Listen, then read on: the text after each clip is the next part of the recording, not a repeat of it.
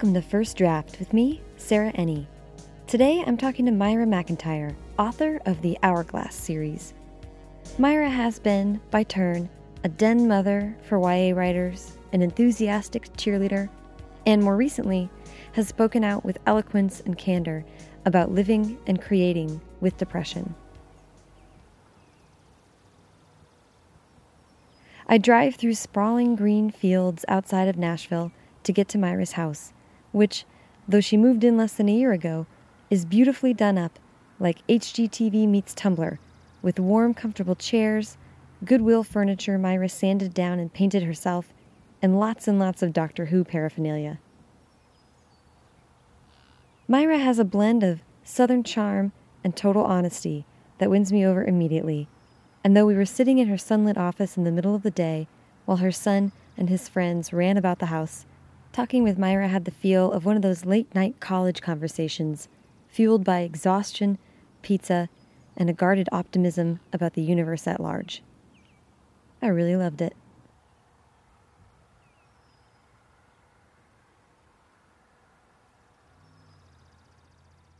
Um, so hello. Hello. How are you? Glad to see you here. Yeah. house. Oh my gosh, I'm so excited to be here. It's a beautiful, beautiful house. Um, out in the country, it was like the most like soothing drive to get here. Uh, we're gonna start at the beginning, which is where were you born and raised? I was born in Kingsport, Tennessee, which is northeast Tennessee, about 15 minutes from the Virginia line, about 30 minutes from the North Carolina line. Okay. Right in that corner. I always like to say, picture Tennessee. There's the Elvis end and the Dolly end, and I grew up on the Dolly end. Oh, that's awesome. I, that's kind of that. Is that like a definitive Tennessee thing? It's like It is for me. I, that's awesome. I hope it takes off. Um, okay, so uh, so born and raised, and that's um, that's not too far from he- from here. I mean, it's kind of It's about five and a half hours. It's Oh. um I mean it's it's the Appalachians. Yeah. And it's um Nashville is very flat Mm-hmm. and there are tornadoes, which I do not particularly care for. I mean you got to see the mountain drive. oh yeah, yeah, yeah, beautiful. That's where my heart is. Yeah. Okay, so actually, let's get to how you came to be here. So, where did you go to school? I went to Carson Newman College, which is a small Baptist school in Jefferson City, Tennessee. And I it was great for me. Most of my friends either went to the University of Tennessee or East Tennessee State, and I've always learned better in a smaller, Yeah. more intimate situation. And the campus size was only 2,000 people, Wow. and you knew most of them Yeah. and the teacher um, teacher student relationships were just solid like i could drop my by my advisor's office Yeah. and sit down and talk to him about things you Yeah. know and he could spare the time it, i mean it helped ground me in my faith it also taught me what i don't want my faith to become in a way too Yeah. I don't want to badmouth the Baptists, but it's a, I mean, Southern Baptists, I live in the Bible Belt. Mm-hmm. There's a stereotype. Some of it is true, you know, not all of it. I, I like to say that the only people that media can actually still make fun of are Southerners and Christians. So, and I'm blonde and a woman, so I'm just screwed from the get go. But yeah, and I left, I majored in English. My parents were so disappointed. Oh no! I majored in English with a double emphasis in British Lit and Film. Oh wow. and then a double in cross cultural sociology. So wow. What's cross cultural sociology? It's just studying of cultures and cities. Where and, they- Yeah. When I was a junior, I did a mission trip in St. Louis and worked in the inner city and really, really thought that that was what I wanted to do. Um, and was a little disheartened just because, you know, at that time I was like a 95 pound white kid and I didn't have the impact that I wanted to have. I could love on kids, which was great, yeah. but um, I needed to mature too. Yeah. So when did you like? Where did you go from there? Basically, so you have like a multitude of degrees and I have and done so many things. I'm like, which phase of our life would you like to talk about? so, um, after I graduated, I did a London semester, and Oh, I came home, um, and met my husband to be on July 4th. and he was a minor league baseball player in the New York Mets mm-hmm. professional system. And he is three years younger than I am, and I just didn't. I was like, he's a baby, you know, I'm a mm-hmm. college graduate, and we hung out that whole summer. And we would do really stupid things, like just sit beside each other on the floor, and we'd play, play solitaire. Like we didn't play with each other. We just had two decks of cards. Yeah. And we talked and talked and talked. And one morning towards the end of the summer, my dad came downstairs to go to work, and he was like, "That boy is still here." And I was like, "Yeah, I don't know. It's weird because like there was nothing going on." Right. And I walked him to the door, and he sort of, I like to make fun of him now because he was totally like hopping up and down on one foot. And he said, You know, I think that this might be a thing. And so I have broken up with my girlfriend, and I want to ask you if you'll, you know, consider giving this a shot. And Aw. I, had, I had not considered it up until that point, and I was like, mm, okay, because he's cute and stuff. Baseball pants, I'm just saying. And so he, um, he asked me out. Our first date was August 15th. We got engaged on October 13th. We got married on May 26th. We've been married for almost 20 years. Wow. That is incredible. Next year, 20 years. And so Amazing. and we've done a lot of things. Um, the writing life is interesting. I, I don't think, even though he's not, you know, a researcher and that kind of guy, um, I sacrificed grad school and, you know, a solid job. Right after I graduated from college, I was an admissions counselor for a year, which no one should have ever given me a car because I cannot even get to the grocery store. Oh my gosh. Sometimes I can't get home from the mailbox. and this was pre GPS. Right, Like I had to right. read a map, okay? That's And right. I was in Virginia, so I was doing Richmond and Roanoke and all those Mm-hmm. places. And But after the admissions counseling thing, we decided that we didn't want to be apart from each other because, you know, sometimes sadly stereotypes are true and and we didn't want to start a marriage that way. Yeah. So I spent six years with a college degree working retail. Uh, And um, I mean, I worked wherever we could get a job. Mm-hmm. The thing that most people don't understand about minor league baseball is the players play for six months, but then they don't get paid for six months. Oh. But everybody knows that they're a minor league baseball player, so nobody's going to hire you for anything solid. I was lucky to sort of fall into a situation where one elementary school, I subbed there, and so they would hire me for interim um, assistant positions. Cool. So I ended up working in severe and profound special ed for about three years. wow. Which was amazing. Yeah. Um, on and off while he was playing baseball. And then when he retired, he had an aneurysm in his left shoulder. Oh my gosh. He's a pitcher. And then he had Tommy John, which is he had a ligament replaced. There, I mean, there. I think there were like twenty guys or something in the majors that had to have that surgery this year Yeah, yeah. and and we just sort of we had bought a house we had lost a baby we were like sort of looking at adulthood versus what baseball is which is you're a gypsy they can tell you that you're moving Right. and you move Right. that day Right. um, and i've got hilarious stories about the people that we lived with but i'm not real sure that they're appropriate but I learned a lot. I'm an only child. Mm-hmm. I read in my mm-hmm. closet, like that was all. And I learned a lot about boys, way more than I ever wanted. Right, right, right. And then I have two boys, so there you go. Preparation by the universe, I guess. there you go. But um, when he retired, he had an opportunity to go to an insurance, and now he's in insurance marketing. And the minor league baseball in our hometown had just lost their general manager. Oh. And we were at a Christmas party, and they were so desperate. I mean, they were so desperate. They were like, hey, who knows more about a minor league baseball park than a minor league wife? And I was like, so desperate not to work at the mall. I was like, I can totally do that. But it was sales, and I suck at oh. sales. And so I loved the seasons. I was a general manager for the Kingsport Mets for four years. Really? Yep. Oh my God. nuts. And I loved um, the seasons. I loved the crowds. I loved, you know, having interns that worked for me and sort of Yeah. managing that kind of thing and loved the game and like the in between inning promotions like sumo wrestlers. Yeah, yeah, yeah. We would slingshot T-shirts and hot dogs. Totally. And hot dogs. awesome, you know. So because it was all college kids and me, and I was Yeah, about yeah, 25 yeah. at that point. Oh And my so, god, so cool. um, we did that for four years, and then Ethan got the offer to come here.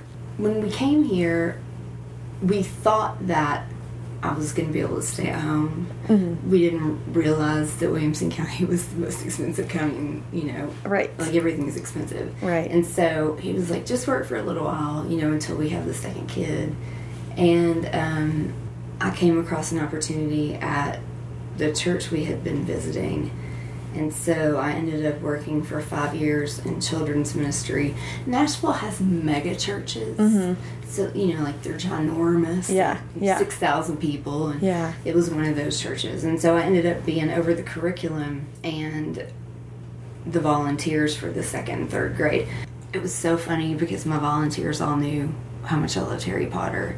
And you know, some people in the church are Mm, yeah, it's not always cool with whacked out everyone. about. But like th- when Deathly Hallows came out, I had two volunteers who put Deathly Hallows in their Bible flap jacket and sat in the back and I was like, just go, just go. Don't tell me anything, just go. Ah, and so that that was great. I Oh love my those gosh. people. I love those people. I adore Christians who get prop culture and are not afraid of the F word. Mm-hmm. Just saying. Um, but when I finished Harry Potter and the Deathly Hallows is when I was like, okay, I gotta write a book. That was it, huh? I was like, it's gonna suck, and I know it's gonna suck, but I have to do it because I can't live in her world anymore. You can only reread so many times. Yeah. I spent about a year because my undergrad was English, but I never did creative writing because I never thought I could. Mm-hmm. Mm-hmm. Um, but then I had to. Yeah. That's so interesting. Yeah, I spent about a year researching. You can see my writing books on the shelf over there. Yeah. Just trying to, you know, figure out how to do it the right way. And luckily, I understood that you lurk online before you throw yourself out there and say idiotic things. And Oh, that's good. figured it out and finished a book. And that was Wow. What was your first book? Hourglass. It was the first book. yeah. Oh my gosh, that's amazing. I mean, there's a horrible one that lives under a bed where there's a lot of kissing, but I was like, what else is happening? I think there's supposed to be a plot.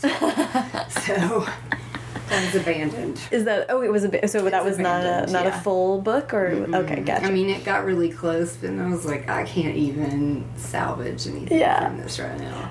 So I mean, that's everyone has like the learning draft. So, um, so that's that's. I think everyone has a, a trunk somewhere with Yes, one or two of those um, at The least. Shame. Where we keep the shame. That's so interesting. I mean, it's funny to me. I mean, I obviously loved books, and like the switch just flipped then with Harry Potter. I mean, the, there must have been like a writer lurking within you the whole time. I mean, in third grade, I wanted to be a writer. Okay. I um, I've got my whole Trixie Belden collection, which I can show you, even the more rare ones. Really Yes. cool. Um, always wanted to be a writer. Always read, read, um, like read way ahead of my grade level, Mm-hmm. and I read really fast. And so, when Ethan played minor league baseball, it was lonely Mm-hmm. because they would go on, you know, 8, 10, 12 day road trips. Yeah. And I was in a strange city, and we got married so young that Yeah. there weren't other wives. Right. And so I always had a library card, and I just read like a fiend. Eventually, had that realization that I wasn't writing, but I was working. I was Yeah. getting there. Yeah. I used to read like three books a week. Wow. And this, wow. you know, pre-blog, pre all of that stuff. right. I mean, I've just not ever not been reading. Mm-hmm. Now it's been hard lately, but I do audio. Is that why is it hard? I can no longer watch a movie or read a book without trying to figure out why the writer did what they did. It sort of had to become a didactic experience, and I'm like, that's not what I'm going for. So, audio, you can't flip the pages back, and you can think about a sentence that somebody just wrote and what you do differently, but you're not going to stop it. Like, you can't disengage Yeah. if you're listening.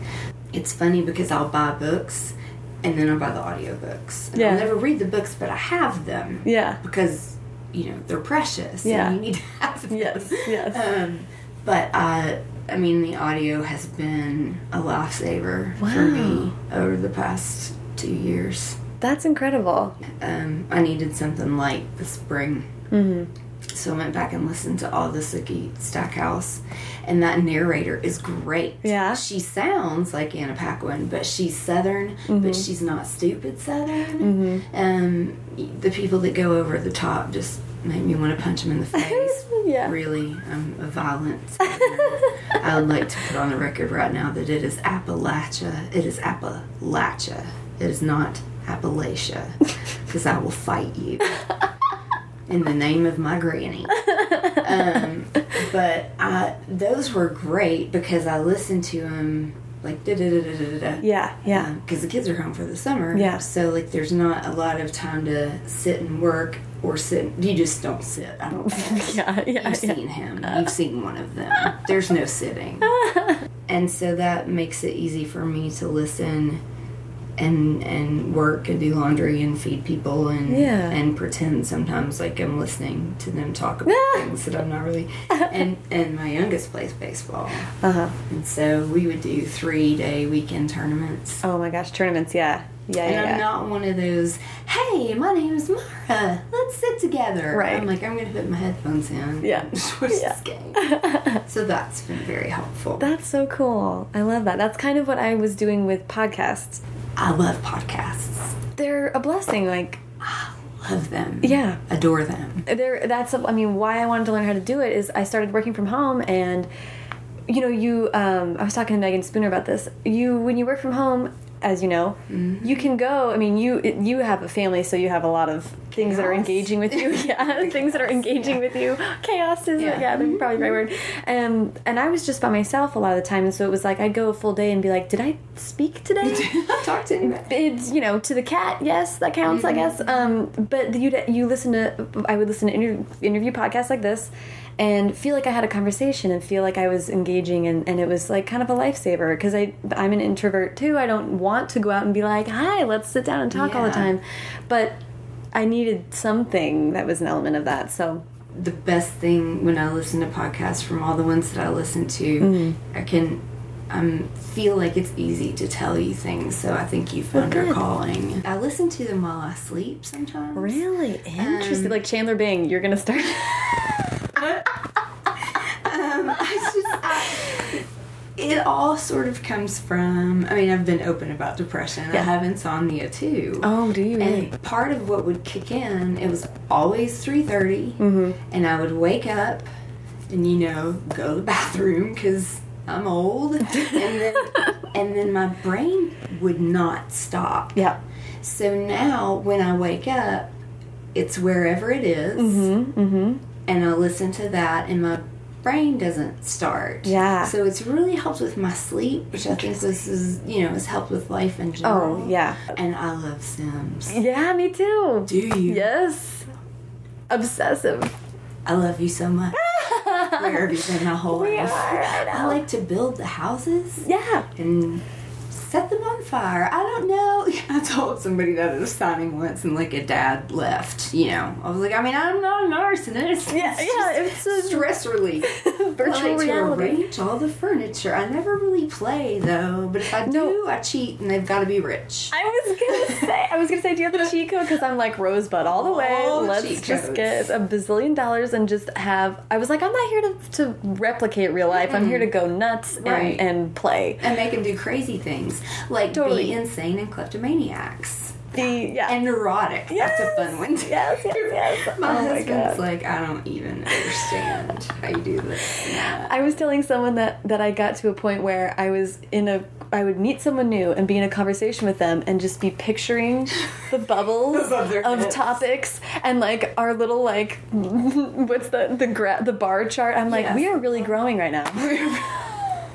I'm so excited because I'm trying to finish a draft. But Sims 4 comes out on September 2nd. Does it? I didn't know that. You gotta watch some of the videos. It's gonna be really different, I think. interesting. But I told my agent, I was like, I will have that draft to you by September 2nd because I am straight up bribing myself. Yes. to sit in a room alone and create and control tiny people. Which I mean, sort of is writing. That's true. I've seen a lot of writers use it. Julie Kagawa Uses I'm going to look that up. Yeah. she'll use it to sort of tell her story, and she's posted those before. Interesting.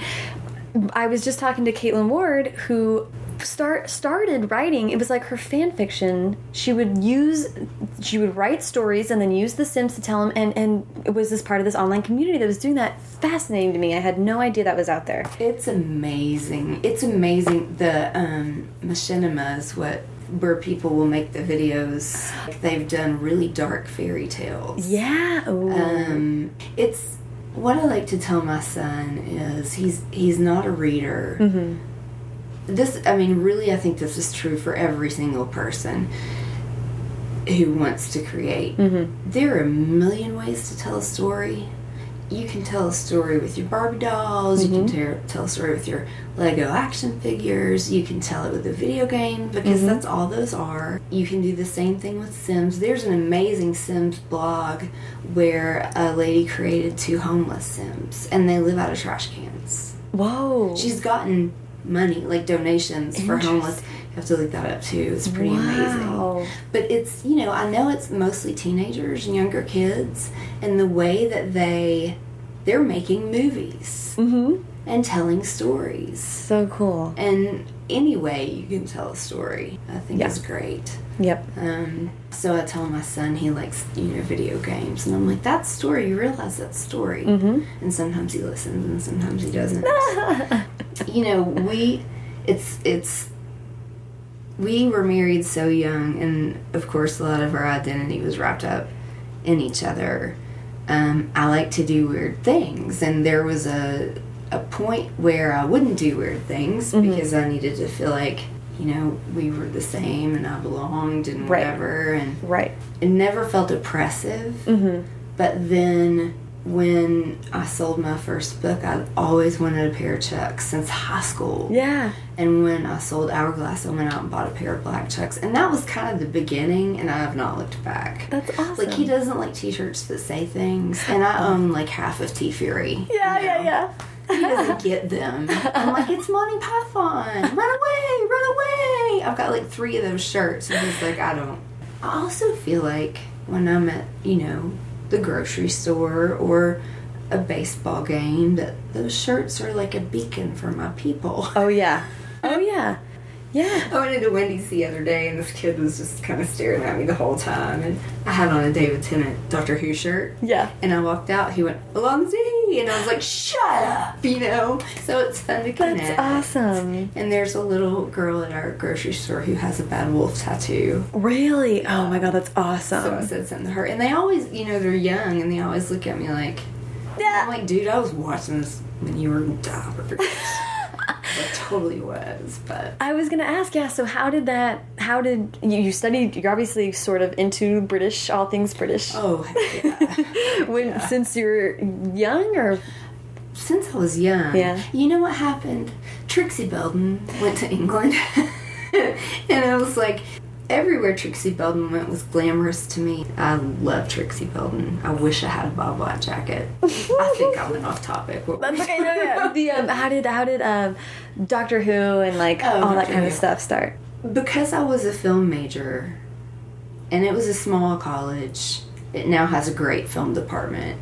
My mentor and advisor um, was really involved with Horton Foote, Oh, okay. um, like Tender Mercies and A Trip to Bountiful. And I believe he either wrote the screenplay for or directed To Kill a Mockingbird. That could totally be a lie. But anyway, that was his passion. Horton Foote, he had, you know, visited with him. He'd done plays, so many that hadn't been, you know, they'd done been done in New York, not in a, to a wide audience, and all of them were based on his family, Horton Foote's family. yeah. And so that is when it came together for me that those are the most passionate stories. And I got to talk to Horton Foote on the phone once. Really? How did that come about? It was cool. It was like a class thing, but I got to ask him a question and he answered it, and he was so sweet to me. And you know, that just sort of threw me over the edge. Yeah. But I loved in his storytelling the way that the emotion was there and how much of it was largely about restraint. yeah. Because that's a thing. I mean, that's the thing you feel in the South. Is they're set in Texas, but I mean, it's a thing that you, when I was growing up, Mm-hmm. you know, felt in the South. And to me, that restraint or delayed gratification, or you know, all the build up to the first is way more exciting. than Yeah. What happens after? Yeah. There was more to that question, and I forgot it already. Uh, oh, uh, uh, Doctor Who. oh, good lord. We're always working our way to David Tennant. That's that's the general progression of any conversation. So what happened with Doctor Who? I was. It started about the time that I had my second kid, Okay. And um, we were at a place where I was going to try to stay at home, and um, I can't stay at home. I mean, like I can't. I don't. I'm not a full time lady, and I, I like to be able to work from home. Right. But there's got to be something. Something going on. Or you know, I'll end up chalk painting the cat. I'm serious. and so I found I've always loved BBC. Mm-hmm. I always watched like Keeping Up Appearances and Yeah. all those really silly sitcoms. Uh, almost, or uh, I almost called it almost famous. Absolutely fabulous. Yes, those. I loved those. And I just loved that British sense of humor because it was raw. Mm-hmm. And there was not a lot of subtle raw humor where I grew up. yeah. I mean, there just there just wasn't. Right. And so um, Doctor Who came on one day, and I, I thought it was Mystery Science Theater. I was like, this. I'm confused because we're in the outlines. 'cause it was so weird. Ah, It you is know? so weird. Yeah, yeah, yeah. And I just started watching it. It was on PBS, and then it was on Sci-Fi for a little while. And so I had never watched it in order until the last season of Tennant, and then jumped in with Matt Smith. And then, like, it became a thing. yeah. And I didn't want to be one of those like, well, I was watching it, you know, four years ago. Right. I was, and I had no idea what was going on because none of it was ever in order. Right, that's so- never knew like when. Yeah, yeah. So, it, I think it was last summer I started the beginning with Eccleston. I never saw the Eccleston. Okay, so you started with Tennant. Yeah, and so um, I watched them all from beginning to end because that's a really good use of time. Hey. a really good use of time. It is though. We'll talk about storytelling and Story. and you you write time travel. You write Not anymore. well, right, right. because I mean, there's possibly brain fluid still leaking out of my ears. I like to tell people I will read and watch and listen to time travel stories. I will be first in line every time. I am obsessed with it. But even pondering a time travel story is like I just wouldn't even know where to begin. It was kind of an accident. yeah. Like it was so funny because I love Doctor Who, and I had written the first five pages of Hourglass for like a. Um, it was like a meet, and none of these people are going to hear this, so I can say it. It was like a writers' meetup at our town, and everyone was seventy. Oh, really? And like they used a lot of adverbs and adjectives, Um, and like. It, it was just, I was like, I am completely in the wrong place. But I had ended it in Hourglass, that like the big first big moment is she sees a guy in her room, and so that's where I had ended it. And I put it away, and I was still working on that book with the plotting and Uh-huh. the issues and the kissing. How could you put it away? That's such a great ending. I kept going. What, why was that guy there? yeah. And what was he doing? I don't want him to be a ghost. I don't want him to be a vampire. I don't want him to be a werewolf. Mm-hmm. I don't want him to be anything. He's a time traveler, and like, sort of, biggest mistake of my life. Oh no. um, combined with good choice, you know. Mm-hmm. But I, I did so much research. I'm a research freak Yeah. and I wanted to get my science as close as I possibly could Mm-hmm. to write. Like one thing that makes me absolutely twitchy. I don't read reviews anymore. I've not read reviews for about a year. But one of the one star reviews for Hourglass, spoilers, talks about how she made this big point of not going back in time to save people because you can't. And then she did it anyway. And I, so many years I have been tempted to run under it. See plot of book two. You know, like she screwed it all up. Right, right. Come back for more later. Yeah. Um, I also remember when I decided that her time travel was going to be genetic, and that was such an original idea. and then there was a time traveler's wife, and Ah, well. and you know, really, Hourglass and the gang is my manifestation of Trixie Belden. Yeah. I mean, because I was an only child. Yeah. I would.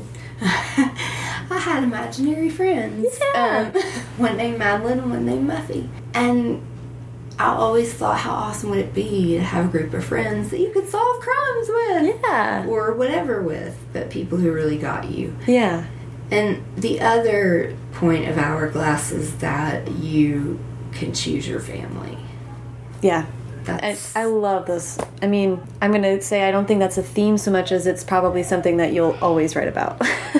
always because there's people who get chosen family and there's people that have a family they would never replace. Right. And that's excellent for them. But a lot of us have issues that we need to go outside of the home to Right. find kindred. I always say that um, there are people who mother me who are younger than I am. Yeah, right, right. I mean, I've got friends who mother me honestly quite a lot more than my own does. Um, and so I've always been very grateful for women in my life that can Yeah. take on that role. And that's one of the great things I think about the writing community when you look around there are not a ton of us who have kids. right.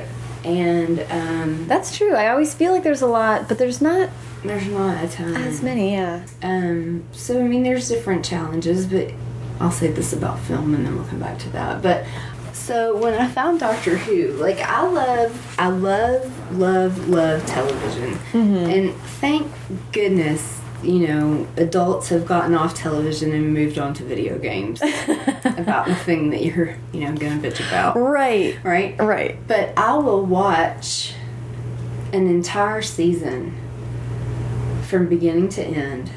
And I save them so I can do it that way because I want to see how they built the story. Mm-hmm. Yeah. And Vampire Diaries um, is one of those that, because I love Kevin Williamson and I love Julie Plec and I love their work. Mm-hmm. Um, Kevin Williams was a guy back in the day when Yeah. I was young yeah. and I love to watch the way that people build mythologies, and I would lo- I would love to write for TV. I'm not Yeah. moving to Los Angeles, so it's not going to happen. Yeah. So since that's not going to happen, I would love to sit in a writer's room mm-hmm. just once, you mm-hmm. know, just Yeah. a week Yeah. to see how it all goes down. Because when I'm here alone, I mean, there's only one of these Right, right, right. and it is getting smaller in my brain. I swear it is. And so I can't keep up with it all. I'm a really big talker, plotter. Mm-hmm. Um, people will only do that with you for so long. like let me paint you in baked goods. but but I love to watch the progression of story. Yeah. And I, you can do that in a movie, but you can really do that, especially when it comes to a mythology and television shows, which is part of the reason I love Supernatural. And I do have to be really careful with media, and I, I do I have to be careful with media because of um, because I do suffer from depression, and I never know. I just never know, like what a what a kicker could be. So let's talk about that a little bit because I want to make sure that we do get to that. Yeah. Um, to whatever extent you're comfortable talking to about it, but I mean, has this always been something that you that you struggled with? Yeah, it it started when I was um, thirteen, and we didn't call it that then. I did go to counseling. My mom just thought I misbehaved. Um, and again, when I was about 19. And luckily, my college had a great counseling department. it's awesome. sort of a funny story because I went to a Baptist college and they had a human sexuality class, but it was pass fail. either you know how this works or you don't. Oh my god, that's amazing. But we had to write journals. Um, and they didn't have to be like super personal or anything, but he just wanted, uh, this teacher was really a great teacher because he did want us to sort it out for ourselves. right. And he read my journal entries and made me stay after class one day and said, I, I think that you need to go see the campus counselor. And I was like, what did I write? You Yeah, yeah, yeah. Like, I, do I, did I do something wrong or like what? Yeah. But it was just, he could see the, the questions were, I think, just went in a circle. Mm-hmm. And I did go. Then I had postpartum depression with my oldest son, and that's when we did medication. I am a big fan of talk therapy, and I would love to be doing it right now. But, you know, there's a lot of constraints on my time. Yeah, yeah. And I hope I get to go back to that in the fall. Those three episodes, and then this fall, the last book that I wrote, I wrote it way too quick, um, which was just sort of the way things worked out. And I wrote it all the time. So I was working 12 and 14 hour days. Wow. And, you know, kid's two years younger Right. at that point. Right. And had to be, you know, there comes a point where you can sort of trust them to keep themselves alive. He's not at that point. Right. he, he needed to be heavily monitored. Uh huh. That's the kid that I went to the bathroom one time and came out and he'd pushed all the alarm buttons. And the fireman and police department and ambulance came, and I was like, I'm so sorry, I just had to pee. and they're Wow. laughing, and I was like, that is not that funny. And I turned around and he was naked and dancing behind me. Oh so, like, that pretty much sums up Superfudge needs to watch out. and you know, I don't want to tell my kids stories because it's their stories to tell. They've got their own things going on. But when he's 18, Judy Blume, I'm taking you down. Um, Oh my gosh. but that, I was exhausted. yeah. And I sort of took last summer off just because I had to. I wasn't on a deadline. And tried to heal and and get my life back. I don't think balance is a possible thing.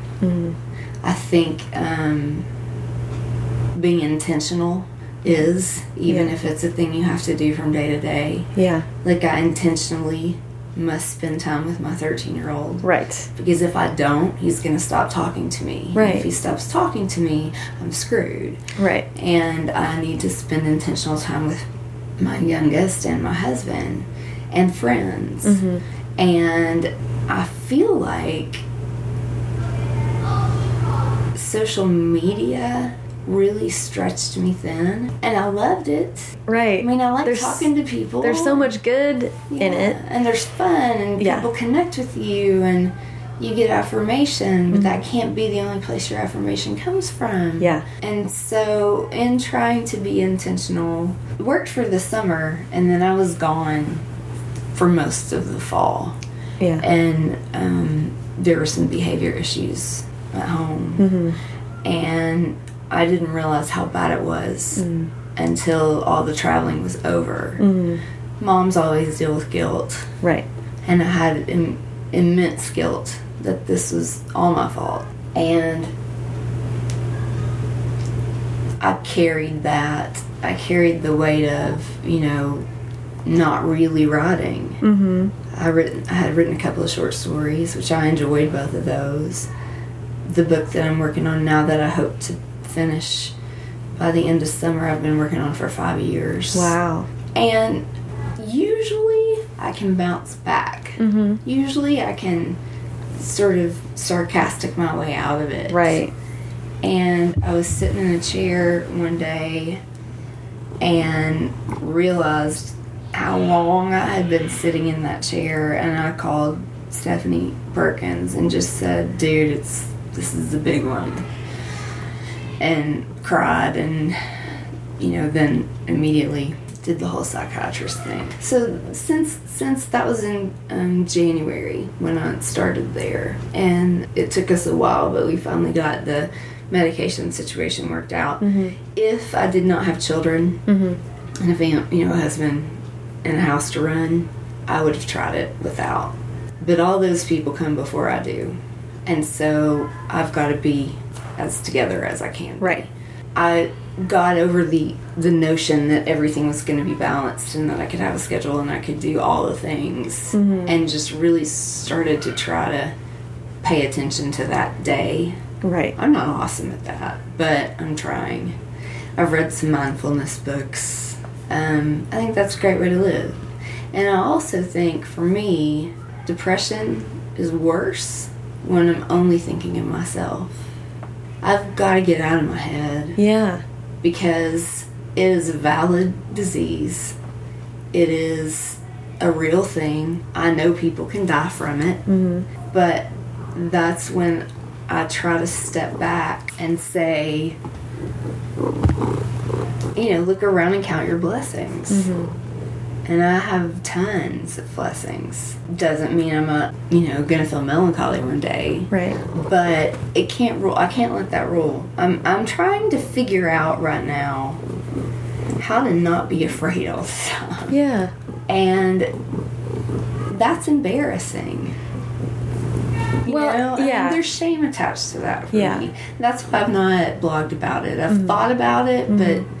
That's pretty personal. I'm not afraid to talk about it, but you know, what do you put in words? My cat's purring into the microphone. He's like, "Are you upset?" It's know." yeah, it's very sweet. um for me there's shame in the fact that i can't I, you know now i can't handle social media mm-hmm. now i can't handle as many friendships as i used to handle mm-hmm. now i need to be alone more than i used to be mm-hmm. but there's a difference between being alone and broken and alone and healing Yeah. and you know, I've showed you my projects. I, um, I'm I'm writing. I'm, I'm doing a serialized middle grade on Storybird. Yeah. Molly O'Neill is my editor, and she's been great. That has been so healing. Yeah. so healing. That's awesome. because there's no. It's so laid back Mm-hmm. that it, it made me nervous. Is this I was like, wait, oh, really today? Like, did you today? And she was like, whenever. And I'm like, you can't tell me whenever. I Yeah. need to know exactly when. I've gone slow over the summer just because the kids have been home, but I'm Mm-hmm. gonna try to get once they're back, try to hit it weekly and finish it out. Mm-hmm. But it. So you know, forty thousand word commitment. I know what the story is. yeah. I enjoy it. I love it every time I sit down That's so to cool. write it. It feels like it belongs to me, even though it's on the internet. Mm-hmm. So we moved, you know, Mhm. three months ago, and I spent a lot of time trying to make it a home as quickly as I could. And I've spent a lot of time um, fixing things that are broken. Mm-hmm. I've tried to find things that are just a little knocked around and tried to discover how to make them beautiful again. Yeah. And that's sort of where my spirit is. Yeah. I've always said that when you when you write, it's you and a page. Mm-hmm. And that's the biggest part of it. And if you don't like that part, then you should be doing something else. Right. Um, the publishing part, uh, I think a lot of us are uncomfortable with. Mm-hmm. You're supposed to have a thick skin as a writer. This is part of the job. Right. There's one worldview that's totally changed for me in the past three years that I'm happy about, Mhm. which is I used to get on Twitter and be sarcastic about movie stars or people on Right, TV or right. whatever. And I came across a Twitter conversation about me accidentally once. Oof. They weren't including me. Right. But that was when I was stupid enough to have my title hashtagged, you know, to have it pull up. mm-hmm. It was three librarians, and what they were saying was wrong. Oh. They were like misinterpreting or Like, one librarian was telling the, the other two something about the book that didn't happen. Oh man. And I saw that, and I, I mean, I was so embarrassed and I was so hurt. And I really stepped back and said, you know, to myself, everything that come out, comes out of your mouth whether Ian Somerhalder hears, hears it or not, Right. you know, it's still something that I've said about somebody else. Right. It's out there. And that's the state of my heart. Mm-hmm. And if my heart is not in the right place, nothing else is going to be either. Right. So I've really tried to watch that, give people the benefit of the doubt, mm-hmm. Mm-hmm. and I've learned that I will not gossip. It's hurtful. Largely, I would rather talk about things than people. Mm-hmm. I have two rules, and Veronica Roth quoted them back to me the other day, which is one is don't engage the crazy mm-hmm. and don't be the crazy. And I think you can apply that to pretty much everything. Yeah. And there have been a lot of times that I've seen things on the internet that weren't true or that were just hateful, and I don't respond. Yeah. I don't. I can't. Yeah. The thing that I'm trying to fully understand is usually those responses are about those people and not me. Yes. And the other hard part of that is still trying to love those people Yeah. or value them or you know give them a chance mm-hmm. because I've said so many stupid things in my I mean I'm like I'm just an idiot an Right. idiot Yeah. and you know when I would wake up at 3:30 in the morning before I started listening to podcasts to sleep so my brain wouldn't go crazy places I would remember those things Oh, and gosh, just, yeah. like get embarrassed in my bed yes. so, trying to give people the benefit of the doubt, and I've got some really great friends who won't. yeah, yeah, yeah. Um, CJ Redwine and Jodi Meadows and MG B- Doran and uh, I mean Stephanie Perkins, just a text. Mm-hmm. Um, there are a few of us that live here. Courtney Stevens just published this year, and um, you know, every once in a while I just get a text that says you are loved, and that's all. That's really sweet. and I don't have to go to lunch. Right, right, right, know? right. Um, and it's not that I don't like to. Right. It's just I'm also okay with me, Yeah. and I've not been okay with me in a long time. Used to when I would be alone, I would be like, "Why is no one tweeting me? Why is no one calling me? Right. Why is no one asking me where?" I'm looking at these people doing these things on Twitter or Facebook or whatever, and I'm not involved. Why am I not involved? Am I not good enough? And that's just a yuck Yeah. spiral. Yeah. So I've been spending time with myself to try to figure out how to be a friend the right way. That's the worst part about the depression is the fallout. Because not everybody gets that, and not everybody's going to stick around for it, and they don't have to. Mm-hmm. That's a bummer. Yeah. And like you said, like not uh, trying not to hold that against them and understanding where they're where they're at and why they do what they do or don't. and be respectful of it, that's really that's tough. That's where they are. And, you know, having a kid hitting puberty who's so self conscious all the time, I'm like, buddy, are you thinking about them walking down the street? Because I promise they're not thinking about you walking down the street. Because they're thinking about themselves walking down the street. Right. Right. And I can remember, like, when. You know, parents would say things like, I wish I could just do it for you. You should listen to me. And I'm like, he's not going to listen. He's totally, I think he's coming. He's totally going to do his own thing. Yeah, I don't know if it's a YA writer thing or not, but like, I really do not ever feel like I got past 17. yeah. Right. You know, sometimes we'll do things and I'll be like, I just bought a house. I'm an adult. You know? Um, Yeah, yeah, yeah. I just filled out a, a form for my kid's school because I'm an adult. um, how did that happen? Yeah, yeah, yeah. When? When did this? When was this allowed to happen? I shouldn't be given these powers. Yeah. Well, thank you for talking about it. I really appreciate it. And and one thing I did want to just you mentioned it a little bit, but um, I went and reread your post from March again, which is such a beautiful, beautiful post. And I loved at the end where it said "Shame Zero, Community One" as like the best because the writing community is huge, and then I think there is a subset of the writing community that sort of is ready to talk about things on this level. I think, and then create a really safe space and it's full of awesome people. So how did you sort of how did you develop this community? When when did you start reaching out and knowing writers in real life and and how does that change your life? I am generally not an instigator. Mm-hmm.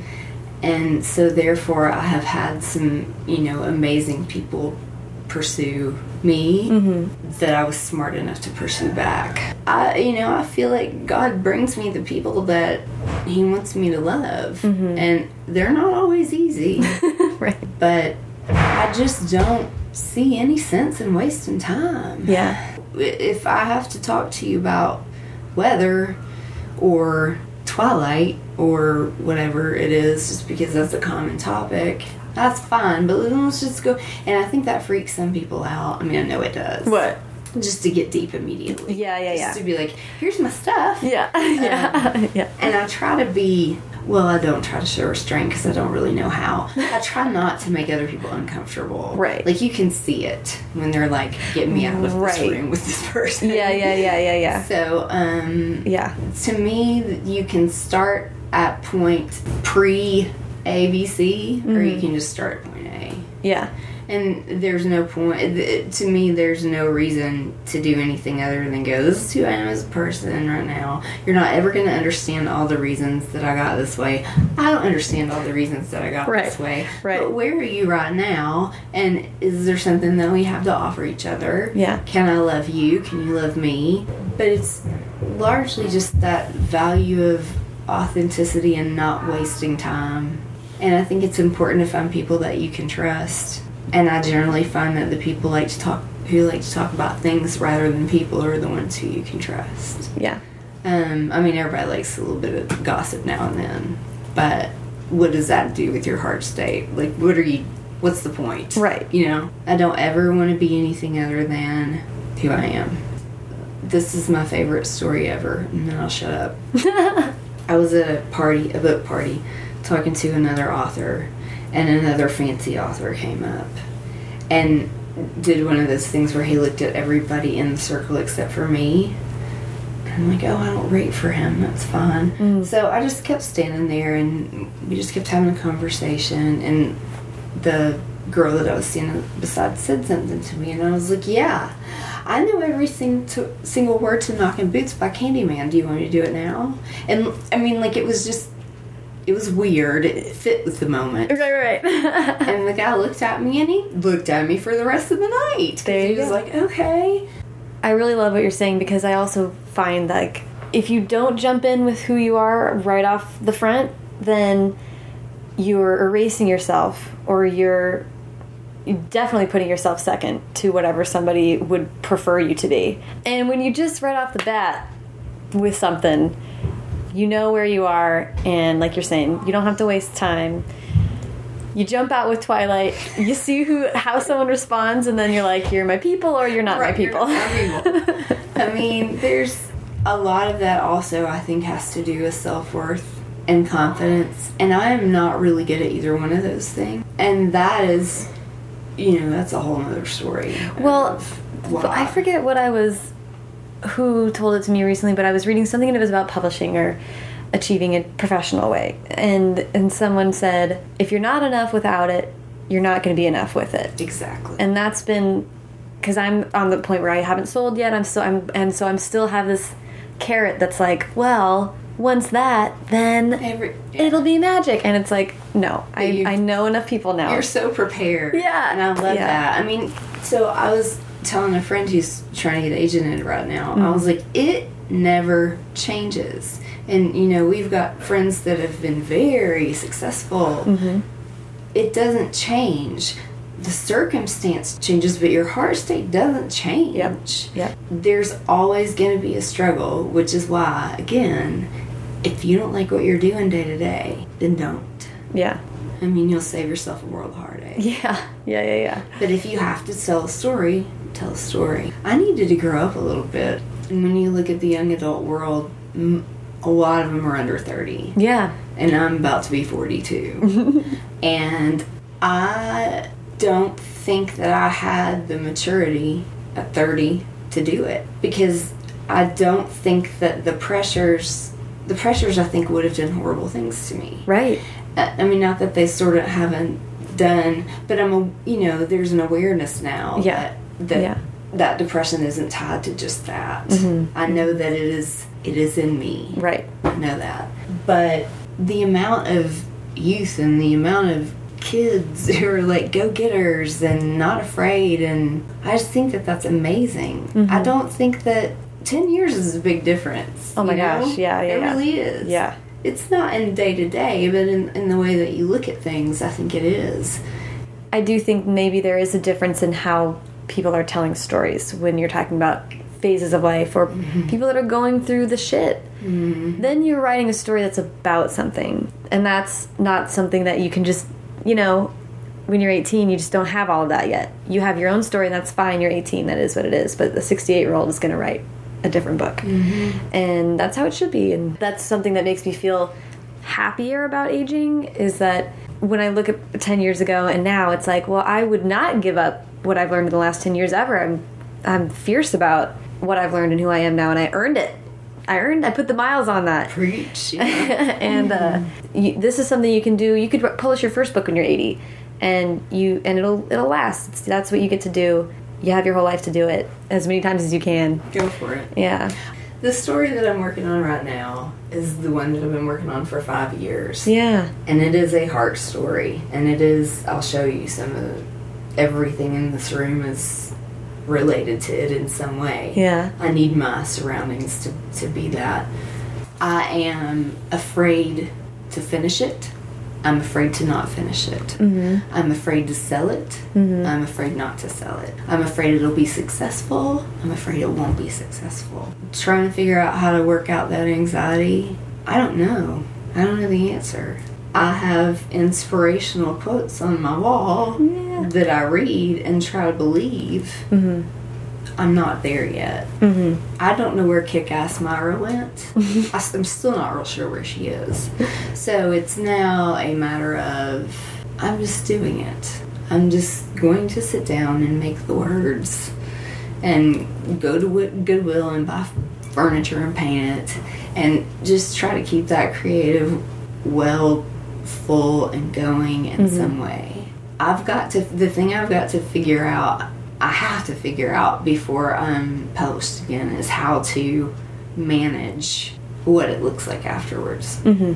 And if it looks like crap afterwards or if it looks amazing afterwards, you still gotta manage it. Right. Well, Sorry, did I No. ramble for like a really long time? no, this Uh, holy crap, I did. is, no, this has been such an awesome conversation. Good, good.